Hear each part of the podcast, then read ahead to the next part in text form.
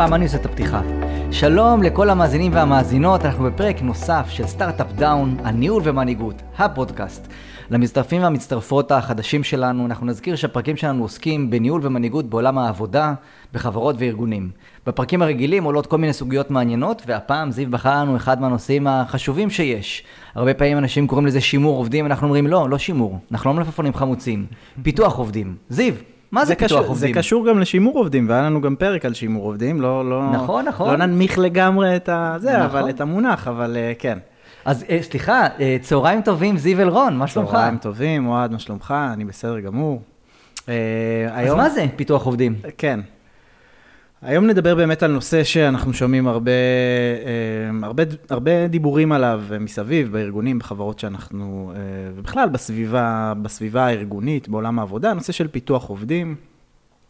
נגיד שזה נושא רחב מאוד, כן? אנחנו אומרים פיתוח עובדים, אנחנו פותחים פה פתח לשיח אה, מתמשך ואולי אינסופי על דרכים לאיך לפתח עובדים ומה זה פיתוח עובדים. אבל הרבה פעמים זה מתקשר אצל מנהלים ששומעים את זה בפעם הראשונה לדבר אחד ספציפי.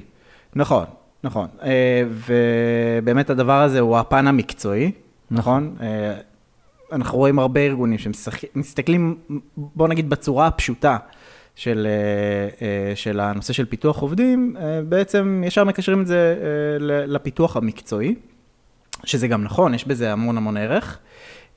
והמשוואה היא פשוטה פה, פיתוח שווה שיפור מקצועי, ובעצם שיפור מקצועי, מה המטרה שלו? לתת לה, שהעובד ייתן לנו בסוף תרומה כמה שיותר גדולה לארגון. שנוכל להפיק ממנו יותר.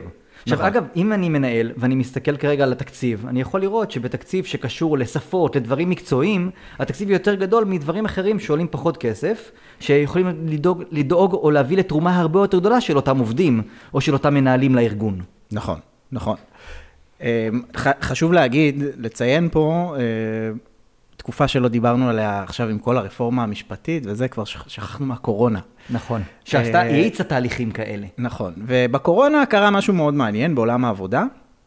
אנשים עברו לעבור מהבית, אנשים התחילו בכלל, בכל התקופה הזאת, לחשוב, לחשוב על עצמם ועל החיים שלהם ועל נושא של אה, איזון חיים עבודה, אה, ו- ובכלל, על מי אני ומה אני רוצה התווספו עוד מעצמי. דברים חוץ משכר וידע מקצועי ל- ל- לסל שהם רוצים לאסוף במקום העבודה שלהם. נכון, וזה מה, שקר...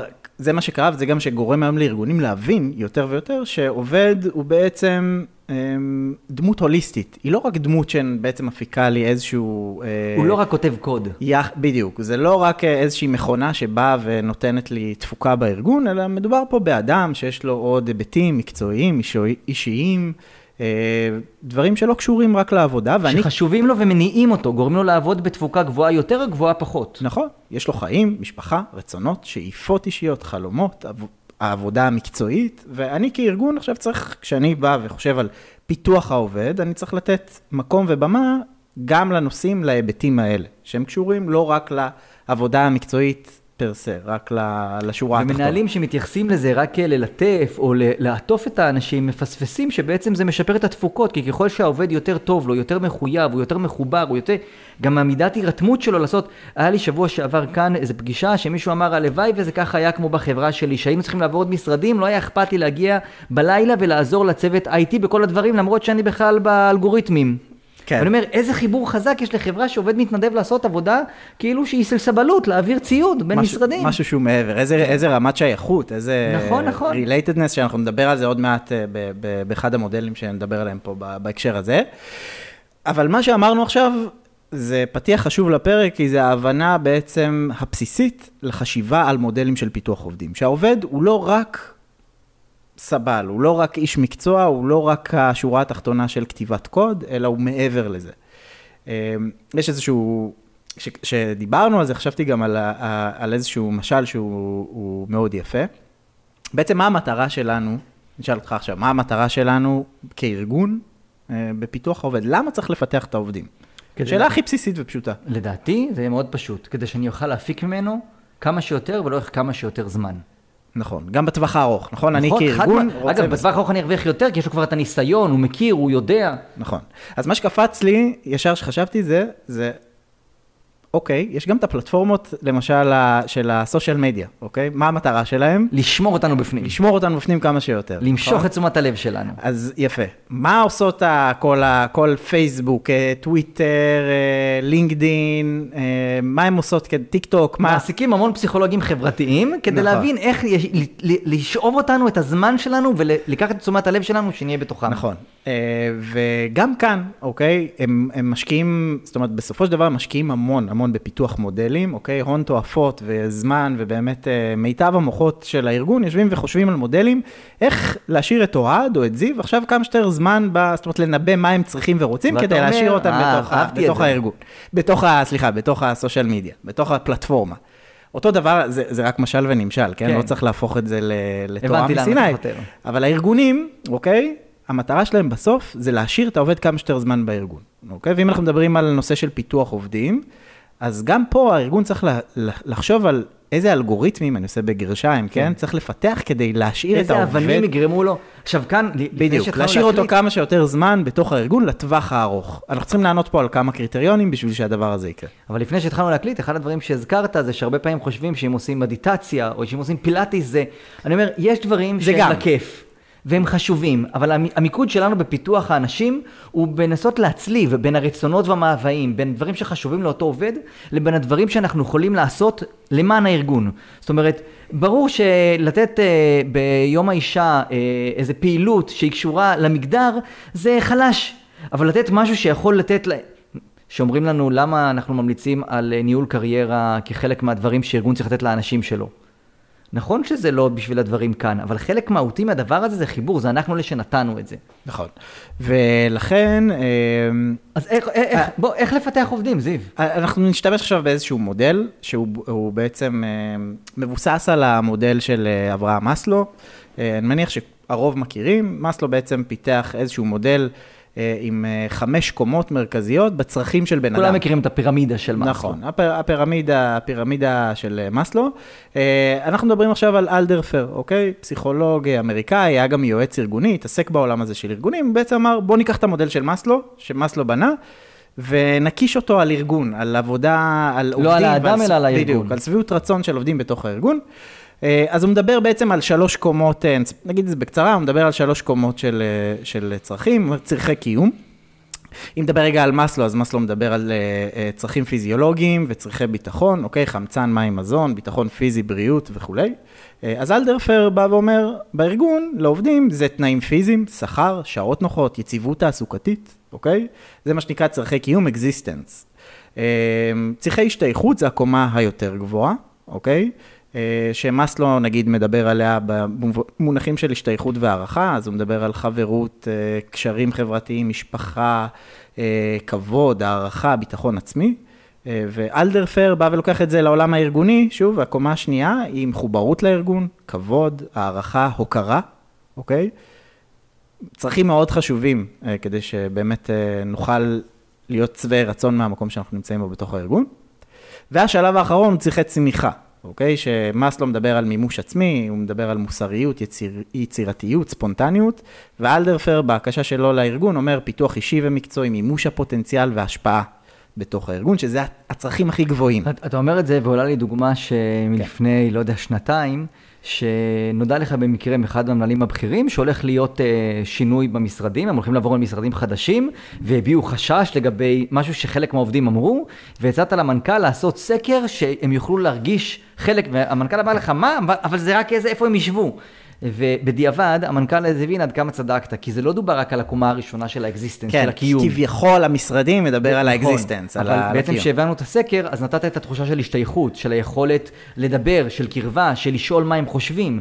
וברגע שאנשים הגיעו למשרדים החדשים והם ראו שחלק מהדברים שהם אמרו באו לידי ביטוי, זה פחות open space, זה יותר חדרים כאלה, הם רצו את ה... זאת אומרת, הם ראו שהם גם משפיעים, אז לכאורה, משהו שקשור ל existence נגע בשתי הקומות נכון. האחרות, וכל זה היה רק בזכות זה שהוא הקשיב לך נכון. ונתת סקר, פעולה שהיא איזוטרית ברמה, ברמה ארגונית. נכון. והיא אפשרה את ה... זה, זה היה דוגמה מאוד יפה של באמת איך לקחת את, הצר... איך לקחת את ה existence, את הצרכים, את הקומה הראשונה של הצרכים, ולעשות איזושהי פעולה שתמנף את זה באמת כבר לקומה השנייה, גם לנושא של אה, relatedness. אה, חשוב להגיד שהרבה פעמים אנחנו פוגשים את זה, הרבה ארגונים אה, פועלים. ש- פועלים, שהם חושבים על הפיתוח של העובדים, חושבים על הקומה הראשונה, אוקיי?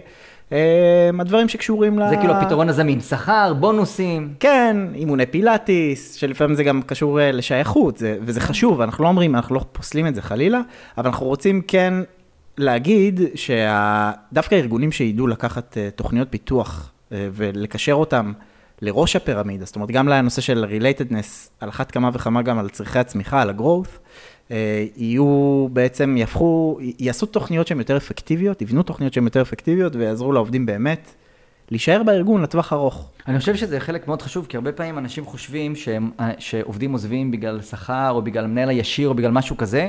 אנחנו מכירים מחברה, אני אגיד אותה בשם כי מגיע להם, כאילו, הם זכו לזה, GSAP, שזאת חברה שכל מנהל תחום צריך לספק למנהלת משאבי אנוש תוכנית פיתוח שנתית לכל אחד מהעובדים שלו. נכון. והיא צריכה לעבור אישור של המנכ"ל של החברה, זאת אומרת, זה לא משהו שהוא בקטנה, או תוכנית שבה צריך, יש קורס, יש מלא אבנים של לגו שבתוכם, טוב, אנחנו נחזור, כן, נדבר על זה. אחר כך. כן, אבל אני. דווקא כן רוצה, אני רוצה לחזק את מה שאמרת עכשיו, כי גם, אני חוזר רגע למס, למשל של הסושיאל מדיה, גם החברות, למשל פייסבוק, כן, שהן עושות, שהן מפתחות את האלגוריתם הזה שישאיר אותי כמה שיותר באפליקציה, הן עושות את זה אינדיבידואלי. מה שזיו יראה בתוך נכון, הן הגלילה, מתאימות את זה, מצוין. זה לא יהיה מה. שאוהד יראה בתוך נכון, הגלילה, נכון. נכון? הן עושות התאמה מאוד מאוד מאוד ספציפית, ואולי אני קצת מקדים את המאוחר, כי זה אחד הדברים שרצינו לס- לסכם איתו את הפודקאסט, את הפרק הזה, להגיד שהתוכנית פיתוח צריכה להיות אישית, אוקיי?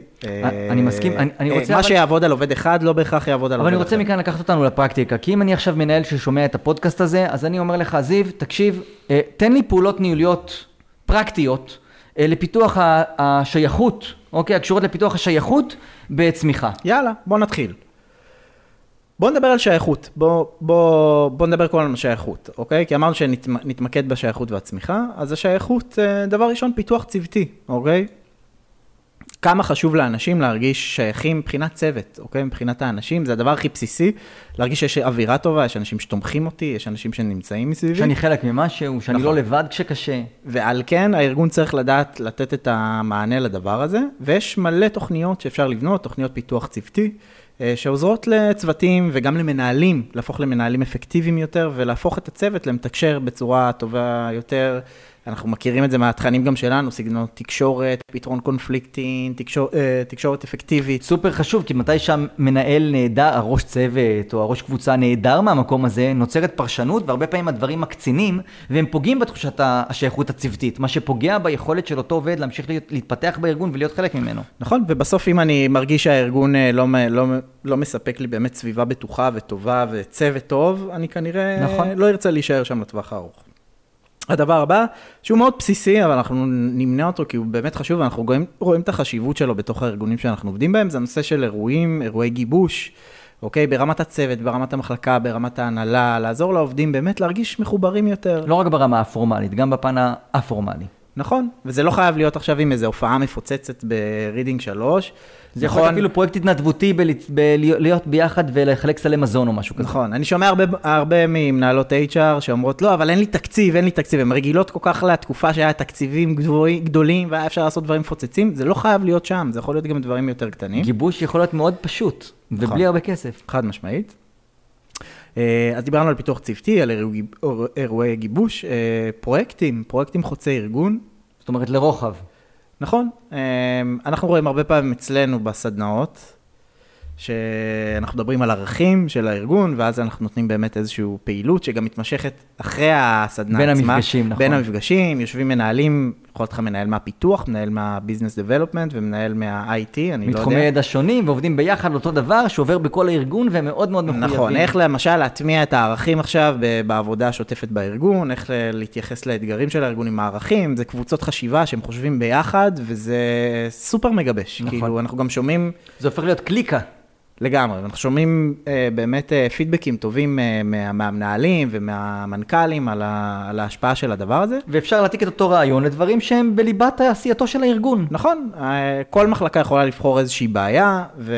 או איזשהו אתגר ולקבוע ביחד איזשהם round tables, מפגשים חוצי אה, מחלקות, כדי לחשוב איך להטמיע ואיך לשפר מעולה. את התהליכים. זה יכול לקרות גם ברמת עובדים, זה לא חייב להיות רק ברמת אה, מנהלים. נכון.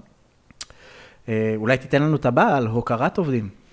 אני חושב שזה אחד הדברים שהכי חשוב לנו כבני אדם. אנחנו רוצים להיות מוערכים, אנחנו מגיעים למקום עבודה ורוצים שידעו מה אנחנו עושים, שיראו אותנו, שישימו לב אלינו. והוקרה זה לחגוג את ההצלחות הקטנות. אגב, אנחנו חושבים שבתהליכי פיתוח נכון לשים pocket of success, נקודות קטנות כאלה ש...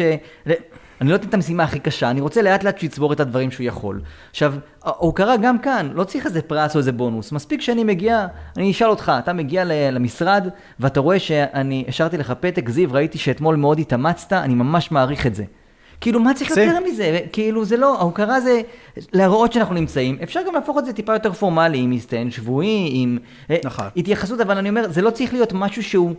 לא לחבר אותו לדברים של הקומה הראשונה, של ה existence, להשאיר את זה ברמה ש- השנייה והשלישית. לגמרי, לגמרי, ומה מה יותר, אנחנו מדברים על זה הרבה, לא, אין אבל צורך בוא להרחיב. תספר, תספר על, על מה שאנחנו עושים היום, נכון? זה גם עוד משהו שיכול להיות להשתייכות. נכון, אז, אז, אז יפה. אז בניית, אה, הדבר הבא זה שאנחנו רוצים לדבר עליו, זה בניית אה, קהילות ו networking.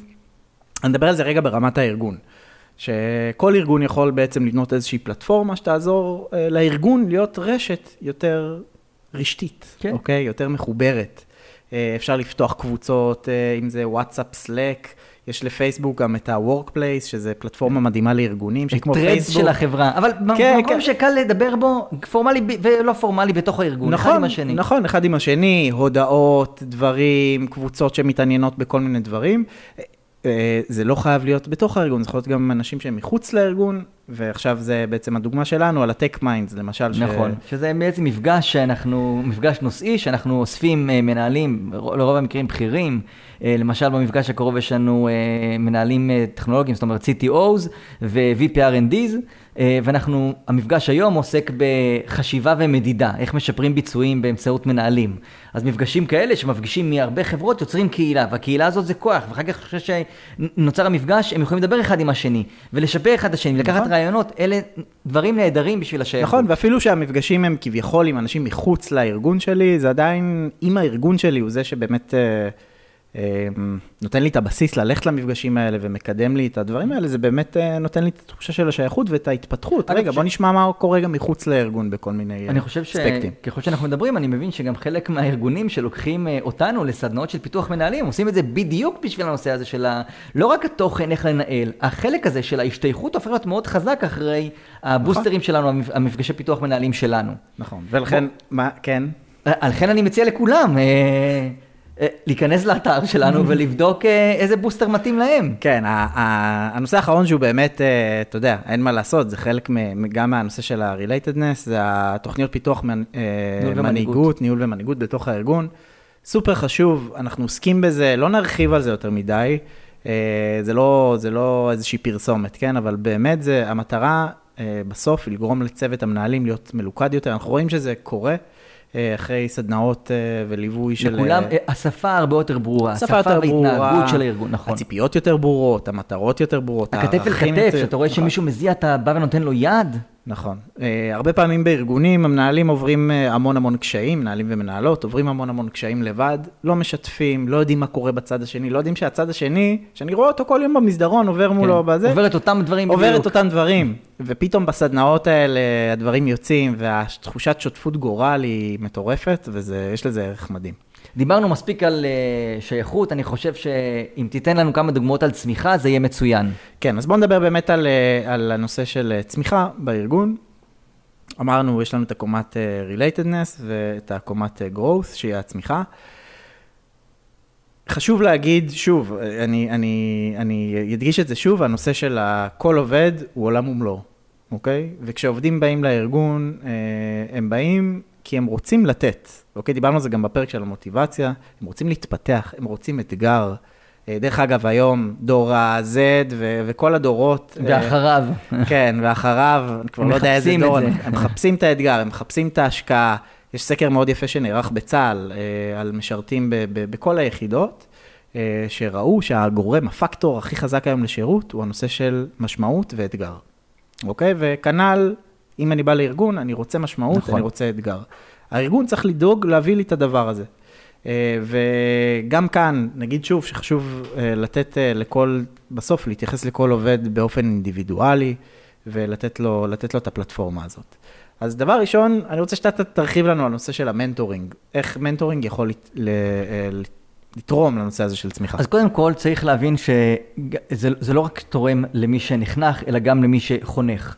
ולכן נכון לבחור אנשים שמאוד אוהבים להדריך ומאוד אוהבים להשפיע ויש להם המון סבלנות, לבחור אותם כאלה שיהיו mentoring, כי אוטומטית זה כבר חלק מערוץ הפיתוח שלהם, כי זה מה שהם אוהבים. נכון. אנשים שמתלבטים לגבי אם הם רוצים לנהל או לא רוצים לנהל, mentoring זה אחלה הזדמנות. מצד שני, זה גם מאוד עוזר לאותם אנשים, כי אם יש לי מישהו שאני יכול, שהוא מוגדר כמי שחונך אותי, אני יכול להרגיש יותר בחופשי לשאול אותו שאלה מאשר את הראש צוות שלי, שאני אומר, וואי, הוא בטח יחשוב שאני יודע או לא יודע.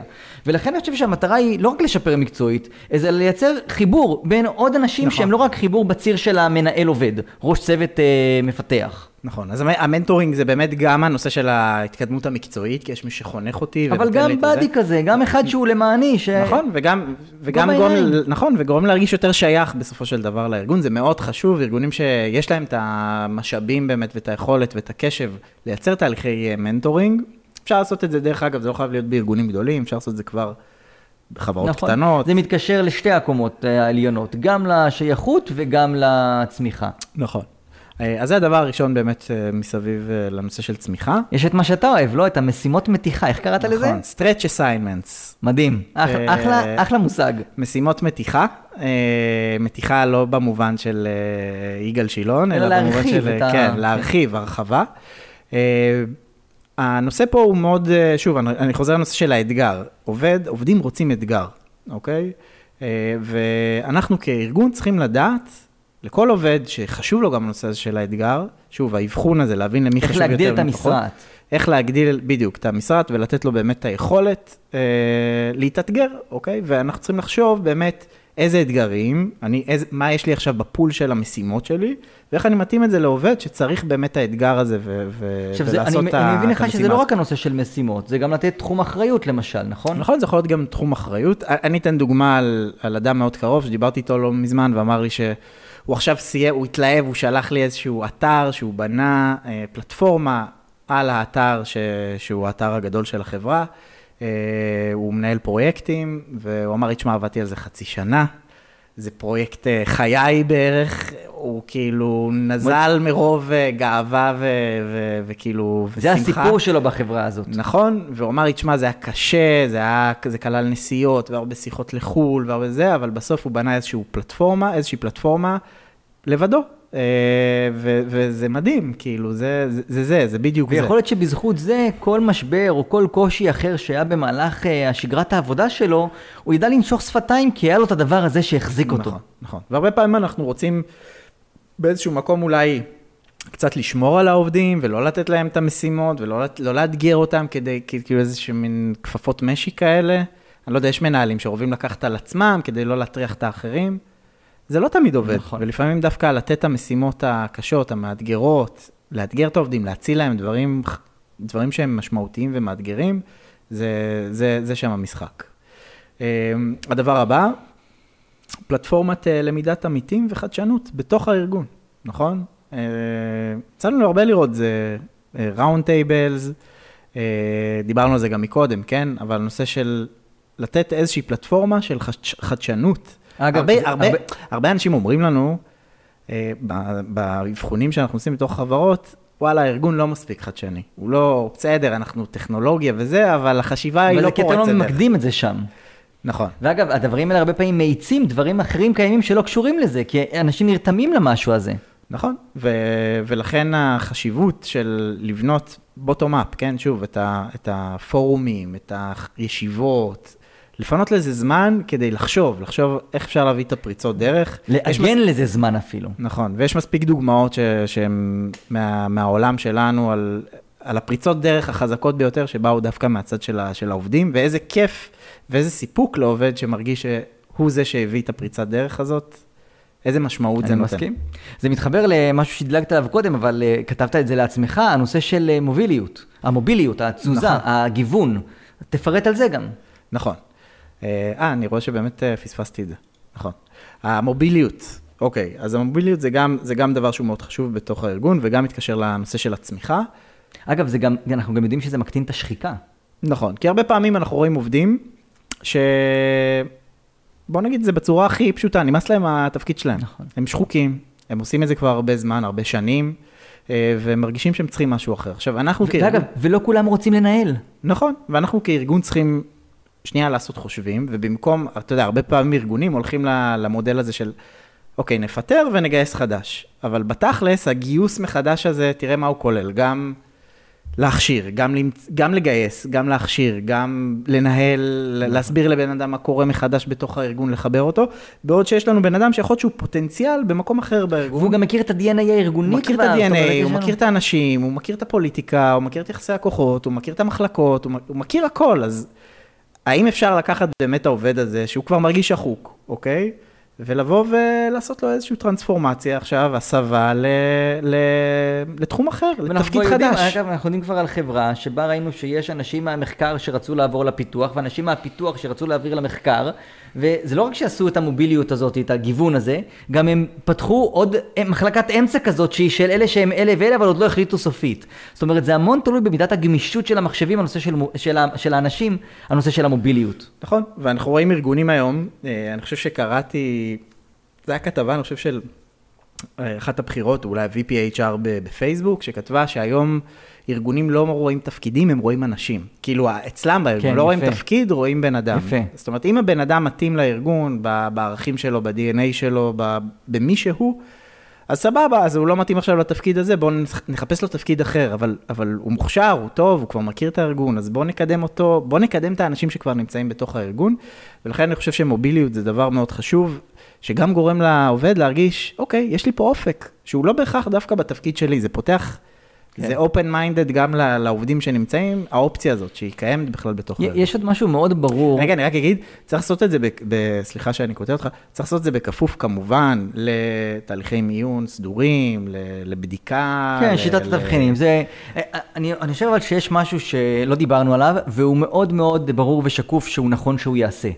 בשביל לפתח אנשים, אנחנו צריכים שיהיה לנו את היכולת להגיד להם איך לעשות אחרת, איך לתקן, איך לעשות טוב, ואני חושב שמעבר לזה שזה אחד מהתכנים החזקים שלנו, שווה שתיתן על זה נקודה, על הנושא של משוב, משוב מתמשך, פידבוק. נכון.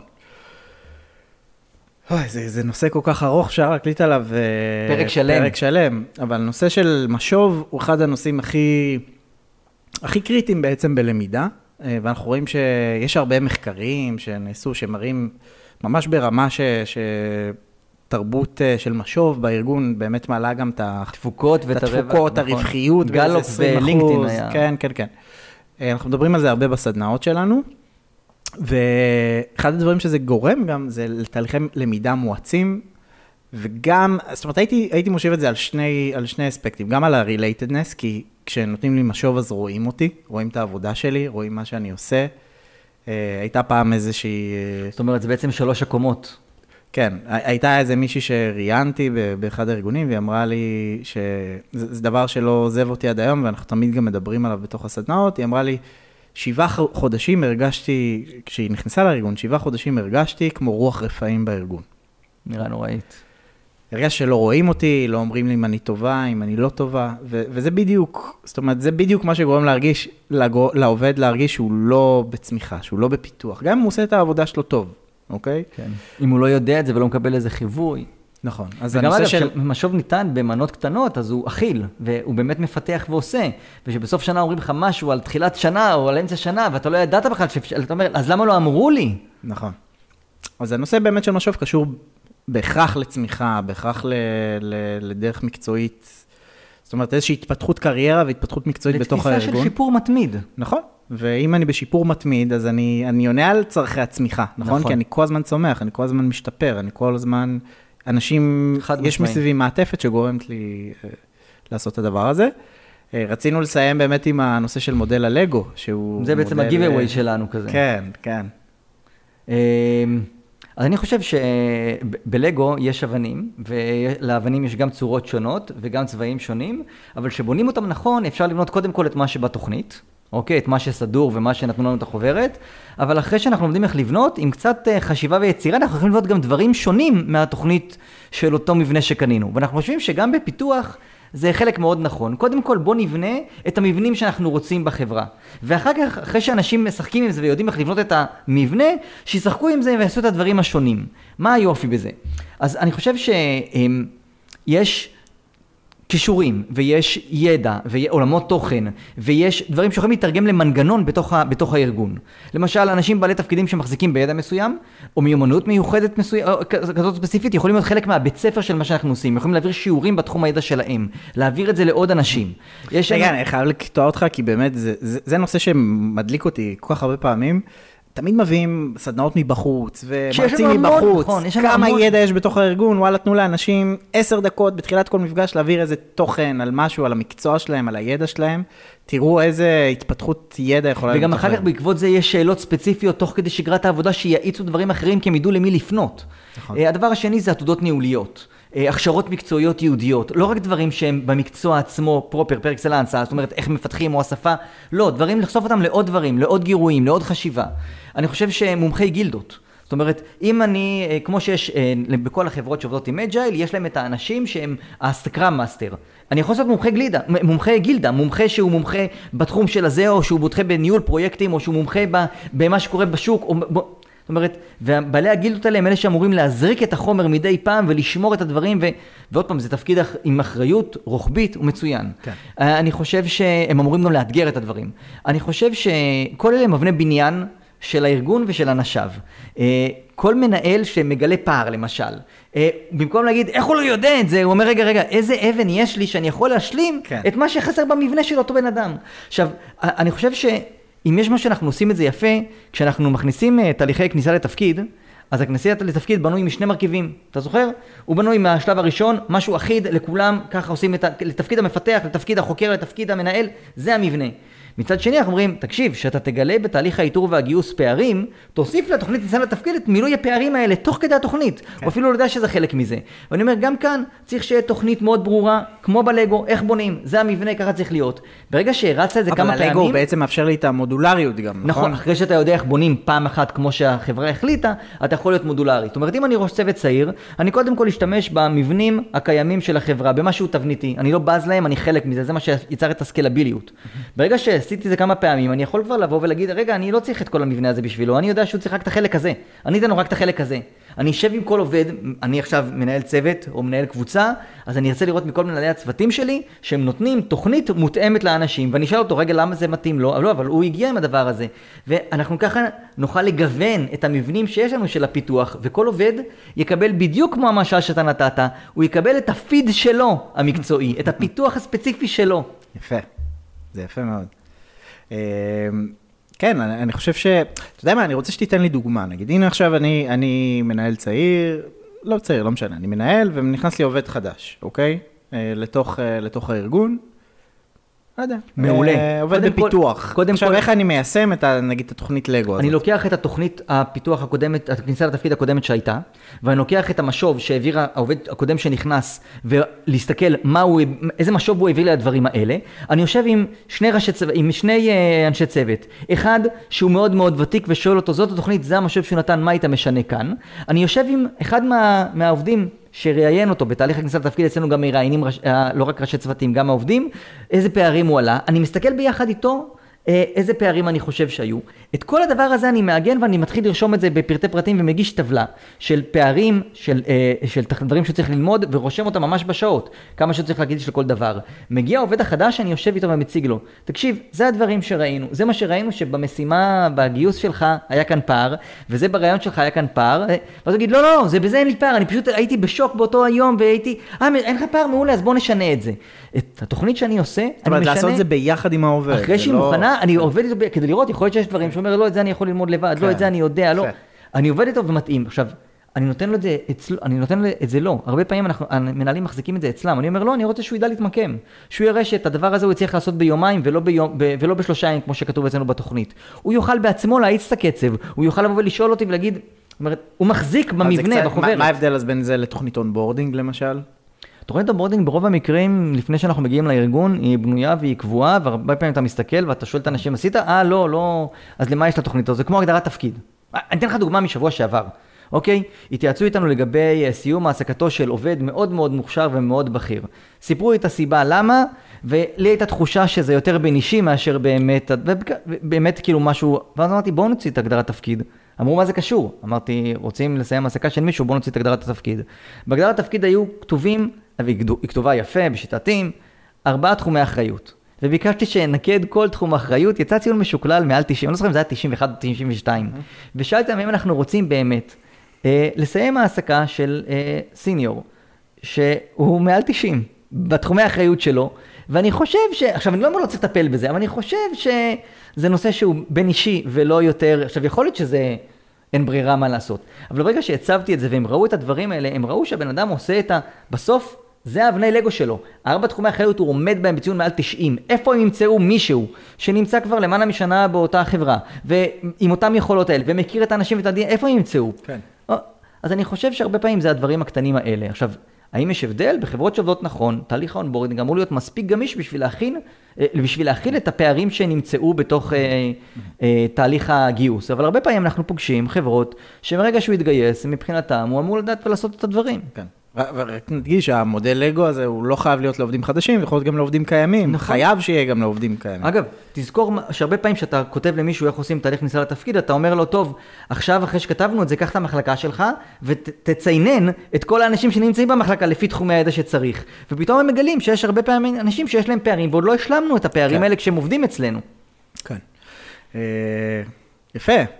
אנחנו באמת אה, נגיד גם, חשוב לי עוד, עוד דבר אחד ככה לפני שאנחנו סוגרים, אה, זה להגיד שהתוכניות האלה, שוב, אני חוזר לנושא של המשאבים והכסף, אה, הרבה פעמים זה, זה, זה נשמע כמו איזשהו מין, לא יודע, נגיד תירוץ, אבל איזושהי סיבה שהארגון לא מטמיע עכשיו תהליכי פיתוח עובדים וחושב, וחלק מהדברים, אפשר להגיד שאחוז מאוד גבוה מהדברים לא באמת דורש השקעה כספית. חלק גדול מהדברים שהזכרנו פה, כמו mentoring ובניית network וכל הדברים זה בתוך הכל הארגון, חשיבה, הקצאת זמן הוקרת של עובדים, אנשים. זה נכון. דברים שאפשר לעשות באמת באפס, באפס תשלום. אה, ו... באפס מאמץ, כמו באפס בשיר. מאמץ, קלאס באפס מאמץ, והאימפקט הוא אדיר, אדיר, נכון. אדיר. ולכן חשוב לחשוב על נושא של הפיתוח עובדים מתוך ה... מתוך ה... לו אני מנהל. אני עכשיו רושם לעצמי ביומן, שבוע הבא פגישה עם המקבילים שלי, כדי לראות איך אנחנו בונים את זה בתוך, מתוך הדברים שקיימים היום בחברה. מי הם מומחי הידע שלנו? מי מהם אוהב לדבר? מי מהם צריך עזרה בשביל לעמוד מול קהל, כדי שלא נפספס את זה שהוא גאון גדול, אבל הוא לא יכול לדבר. נכון. דבר אחרון שאני רוצה להזכיר, זה שאם האזנתם עד עכשיו, אז כנראה שאתם חבבים אותנו, לבחור פרק שאהבתם מאוד, לשלוח בוואטסאפ לחבר, חברה, מנהל, מנהלת, מייסד, מ... לעזור לנו להגדיל את החשיפה, לעזור לנו לייצר עולם יותר טוב של עבודה. אחלה. אז תודה, אוהד, תודה רבה, זיו. ונתראה פה בפרק הבא. להתראות. ביי ביי.